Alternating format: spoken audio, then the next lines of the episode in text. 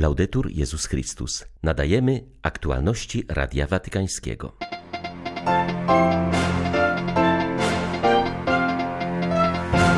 Papież spotkał się z ostatnią grupą polskich biskupów, rozmawiał z nimi m.in. o wielkim znaczeniu pobożności ludowej i potrzebie zachowania bliskości z wiernymi. W tym roku szopka na placu Świętego Piotra będzie pochodziła z Peru, a choinka z Dolomitów. We Francji umierają migranci i uchodźcy. Kościół apeluje do sumień. 28 października witają Państwa ksiądz Krzysztof Ołdakowski i Łukasz Sośniak. Zapraszamy na serwis informacyjny.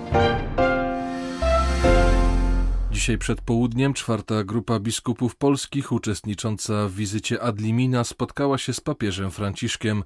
Rozmowa trwała dwie i pół godziny. W rozmowie z Radiem Watykańskim metropolita krakowski przyznał, że było to umacniające i wzruszające spotkanie. Mówi arcybiskup Marek Jędraszewski. To spotkanie było oczywiście spotkanie z Ojcem, Ojcem Świętym, ale było to także spotkanie z bratem w biskupstwie, który czuje doskonale ciężar, jaki spoczywa na pasterzach Kościoła. Wszyscy odnieśliśmy wrażenie jednoznaczne, że Ojciec Święty doskonale zna różne trudności wyzwania, jakie stoją przed Kościołem w Polsce i stara się nie tylko je rozumieć, ale wspierać swoją modlitwą, ale także podczas tego spotkania z nami swoją osobistą radą. Ojciec Święty raz swoim doskonałym wyczuciem sytuacji, a drugiej strony głęboką wiarą że Bóg jest z nami. E, także swoją otwartością i serdecznością pokazał, że przecież niezależnie od tego, co nas jeszcze może spotkać, to jedno jest pewne, Chrystus jest z nami, a bramy piekielne Kościoła nie przemogą. I to bardzo wyraźnie zabrzmiało w dzisiejszym spotkaniu Ojca Świętego z nami. Dla metropolity krakowskiego, który od 24 lat jest biskupem, była to druga wizyta Adlimina podczas pontyfikatu Franciszka. Arcybiskup Jędraszewski zauważył, że wszystkie spotkania w dykasteriach watykańskich wskazują, że należy budować przyszłość Kościoła na fundamencie wiary i jedności z ludem Bożym. Ja jestem bardzo zaskoczony tym, że w różnych spotkaniach z różnymi dykasteriami była wielka gotowość do tego, żeby nas słuchać, czasem, żeby dać jakąś uwagę pozytywną, jakąś sugestię. A to, co mnie najbardziej zaskoczyło, i to w różnych właśnie środowiskach, w których się już spotkaliśmy, to przekonanie, że jeśli chodzi o Kościół katolicki w Europie, to właśnie Kościół katolicki w Polsce jest tym płucem, którym oddycha cały Kościół europejski. I zdają sobie sprawę z tych różnych trudności, jakie przeżywamy. Także gdy chodzi chociażby o spadek powołań. To i tak jest wielkie oczekiwanie skierowane w naszą stronę. Jest troszkę pewno i takiej Bożej zazdrości, że u nas jest to, co się słusznie nazywa pobożnością ludową, sposób słuchania, ale także szacunku wobec nas, to jest coś, co nas umacnia i sprawia, że czujemy się przekonani, że tą drogą, którą od lat wyznaczoną przez kardynała Wyszyńskiego, Jana Pawła II, kardynała Wojtyłę wcześniej, mamy podążać oczywiście w nowych sytuacjach, wobec nowych wyzwań. Tegoroczna watykańska szopka, która stanie na placu Świętego Piotra, pochodzi z Peru, z wioski Czopka, leżącej pośród Andów. W jej skład wejdzie 30 figur wykonanych przez pięciu znanych regionalnych artystów. Z kolei choinka, która tradycyjnie znajdzie się obok watykańskiego obelisku, przyjedzie z Andalo w malowniczych Dolomitach. Gmina Trydent zadba również o dekoracje, które zawisną na 28-metrowym świerku. Szopka ma upamiętniać 200. rocznicę niepodległości Peru, a także ukazywać prawdę o powszechności zbawienia, widzianą poprzez kulturę ludów andyjskich. Figurki są wykonane w naturalnej wielkości z ceramiki, drewna agawa i włókna szklanego. Noszą regionalne stroje andyjskich ludów. Również mały Jezus jest owinięty w tradycyjny andyjski plet przepasany plecionym pasem. Trzej królowie niosą dary w postaci typowych dla regionu potraw. Towarzyszą im lamy, niosące na grzbietach peruwiańską flagę.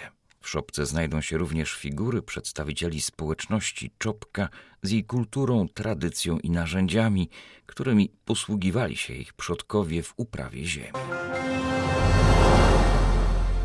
Również w tym roku, ze względu na przedłużającą się pandemię, odpust zupełny za zmarłych będzie można uzyskać nie tylko w oktawie uroczystości Wszystkich Świętych, ale przez cały listopad. Dekret w tej sprawie ogłosiła dziś penitencjaria apostolska. Jak wyjaśnił kardynał Mauro Piacenza, jest to odpowiedź na liczne prośby, które napłynęły w tej sprawie do penitencjarii. Modlitwa za zmarłych jest bowiem w wielu krajach nadal żywym zwyczajem. Rozciągając ją na cały miesiąc, chce się ograniczyć ryzyko zbyt wielkich zgromadzeń na cmentarzach i kościołach. We Francji umierają migranci. Kościół apeluje do państwa o opamiętanie i pomoc humanitarną. W Calais codziennie setki migrantów próbują się przedrzeć do Wielkiej Brytanii, często z narażeniem życia. W ostatnich tygodniach pod kołami ciężarówek zginęły dwie osoby. Śmierć pierwszej z nich, 16-letniego Yassira z Sudanu, skłoniła dwóch wolontariuszy Caritas i kapelana organizacji do podjęcia strajku głodowego. Reagując na śmierć kolejnego migranta, głodujący napisali: Zginął z powodu polityki, która na co dzień upokarza uchodźców i zmusza ich do podejmowania ogromnego ryzyka. Strajk głodowy rozpoczął się 11 października i potrwa do 2 listopada, kiedy to w zaduszki ksiądz Filip Demestre odprawi mszę za wszystkich migrantów, którzy zginęli przy forsowaniu francusko-brytyjskiej granicy. Oficjalne dane mówią o ponad 300 ofiarach od 1999 roku. Rzeczywistą liczbę migrantów, którzy utonęli w kanale La Manche, trudno jest jednak ustalić. Dramatyczne sceny rozgrywają się również na granicy włosko-francuskiej. Do Briançon codziennie przybywa kilkudziesięciu uciekinierów z Włoch. Jest to najwyżej położone miasto we Francji, a zarazem, jak mówi biskup Xavier Mal, jedyny górski przesmyk, przez który mogą jeszcze przejść migranci. Wszystkie inne przejścia są dla nich zamknięte. Problem polega na tym, że w Briançon brakuje publicznych struktur dla migrantów, a temperatury spadają znacznie poniżej zera. W ten i inny sposób państwo stara się odstraszyć migrantów, ale oni i tak tu dotrą, tyle że podejmując coraz większe ryzyko, dodaje biskup Mal. W wywiadzie dla Radia Watykańskiego odniósł się również do protestów w Calais. Sytuacja w Calais jest jeszcze bardziej dramatyczna niż u nas, ponieważ państwo odgrywa tam bardzo złą rolę. Kiedy konfiskuje mienie migrantów, kiedy zabrania się stowarzyszeniom udzielać im pomocy, to jest to naprawdę kwestia humanitarna. Uważam, że państwo ponosi rzeczywistą odpowiedzialność, za co pewnego dnia może zostać postawione przed sądami międzynarodowymi, jeżeli nadal będzie tak się zachowywać. Dlatego możemy jedynie poprzeć obecny strajk głodowy trzech osób, w tym księdza, którzy nie proszą o nic nadzwyczajnego, nie proszą o zniesienie granic. Oni po prostu proszą, aby mogli pomagać uchodźcom, aby można na przykład dać im coś do picia. Są to całkowicie uzasadnione żądania. Możemy więc tylko ich w tym wspierać i dodawać otuchy wszystkim, którzy są w Calais.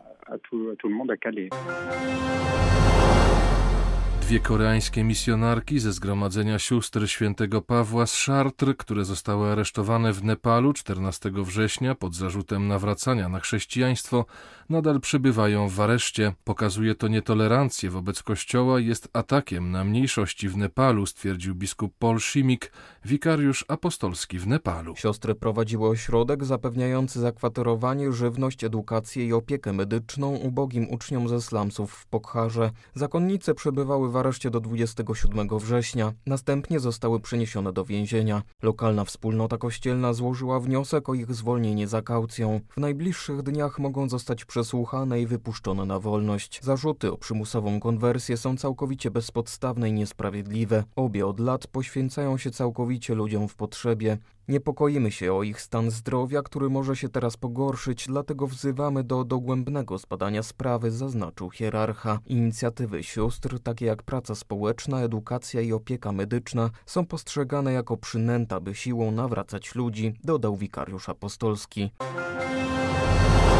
Spotykając się z syryjskimi biskupami w Damaszku, kardynał Leonardo Sandri zapowiedział, że Ojciec Święty przekaże na rzecz najbardziej potrzebujących w tym kraju datek w wysokości 170 tysięcy dolarów. W pierwszym dniu swojej wizyty w Syrii prefekt Kongregacji do Spraw Kościołów Wschodnich przewodniczył boskiej liturgii i spotkał się z młodymi ludźmi. Kardynał Sandry zapowiedział, że w marcu zwoła konferencję, na której spotkają się biskupi, księża i świeccy, a także przedstawiciele lokalnych organizacji pomocowych. Ich celem będzie stworzenie inicjatyw charytatywnych dopasowanych do najpilniejszych potrzeb syryjskiego społeczeństwa. Obecnie w Syrii ponad 95% ludności żyje poniżej granicy ubóstwa. Podczas swojej wizyty kardynał Sandri poruszył także temat synodalności. Podkreślił, że kościoły obrządku wschodniego są również zaproszone do wzięcia udziału w drodze synodalnej. Prefekt Kongregacji dla Kościołów Wschodnich spotkał się także z przedstawicielami syryjskiej młodzieży. Młodzi opowiadali o braku perspektyw na przyszłość w tym kraju. Za pośrednictwem kardynała zaprosili papieża do odwiedzenia Syrii. Katolicy w Nicei wspominają zamach na bazylikę Notre Dame w tym mieście. 29 października ubiegłego roku islamski nożownik ranił śmiertelnie trzy osoby modlące się w tej świątyni. Jak mówi jej proboszcz, ksiądz Franklin Parmentier, jego parafialna wspólnota podjęła wielki wysiłek, aby niejako na nowo odzyskać bazylikę, która w tak straszliwy sposób została naznaczona przemocą. Z perspektywy roku podkreśla, że dla wszystkich był to czas szczególnej łaski i dojrzewania. Pomocna okazała się w tym sama liturgia, która sprawowana w tym miejscu pozwoliła nie skupiać się na złu, które tam się dokonało, lecz na obecności Boga, mówi ksiądz Parmentier. Pamięć o zamachu nadała szczególnej powagi liturgiom sprawowanej w tej bazylice, zwłaszcza świąteczne liturgie Bożego Narodzenia i Wielkiego Tygodnia były dla nas wielką pomocą, ponieważ wprowadzały nas w istotę naszej wiary. Mogliśmy niejako namacalnie doświadczyć Boga, który jest obecny również w śmierci. Kiedy w Wielkanoc słyszeliśmy, że Chrystus jest zwycięzcą śmierci, tym razem przeżywaliśmy to całkiem inaczej. Trudno to wytłumaczyć, ale było w tym coś więcej, poczucie szczególnej powagi, coś bardzo osobistego, bo w tych chwilach każdy z nas oddawał się w ręce Pana, wiedząc, że On pokonał śmierć. Mogliśmy doświadczyć, że jak mówi święty Paweł, obecne cierpienia są niczym w porównaniu do łaski, którą Bóg nam da, kiedy jako Jego dzieci będziemy w Jego Królestwie. W Bonn zaprezentowano raport niemieckiego Kościoła katolickiego na temat ochrony klimatu i środowiska.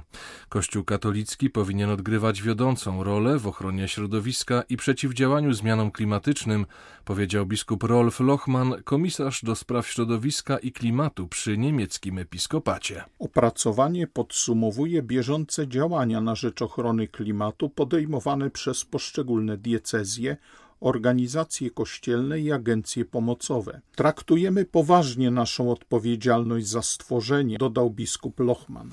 Raport został przyjęty przychylnie przez urzędników państwowych oraz organizacje pomocowe. Niemiecka minister środowiska nazwała raport ważnym sygnałem społeczno-politycznym. Z kolei biskup Heiner Wilmer, odpowiedzialny za sprawy społeczne episkopatu, zauważył, że przywódcy polityczni, biznesowi i społeczni oczekują od Kościoła zaangażowania w rozwiązywanie najbardziej palących problemów epoki. Przypomniał, że papież Franciszek wzywa świat i przywódców religijnych do natychmiastowego i skutecznego działania przeciwko zmianom klimatycznym. Były to aktualności Radia Watykańskiego. Laudetur Jezus Chrystus.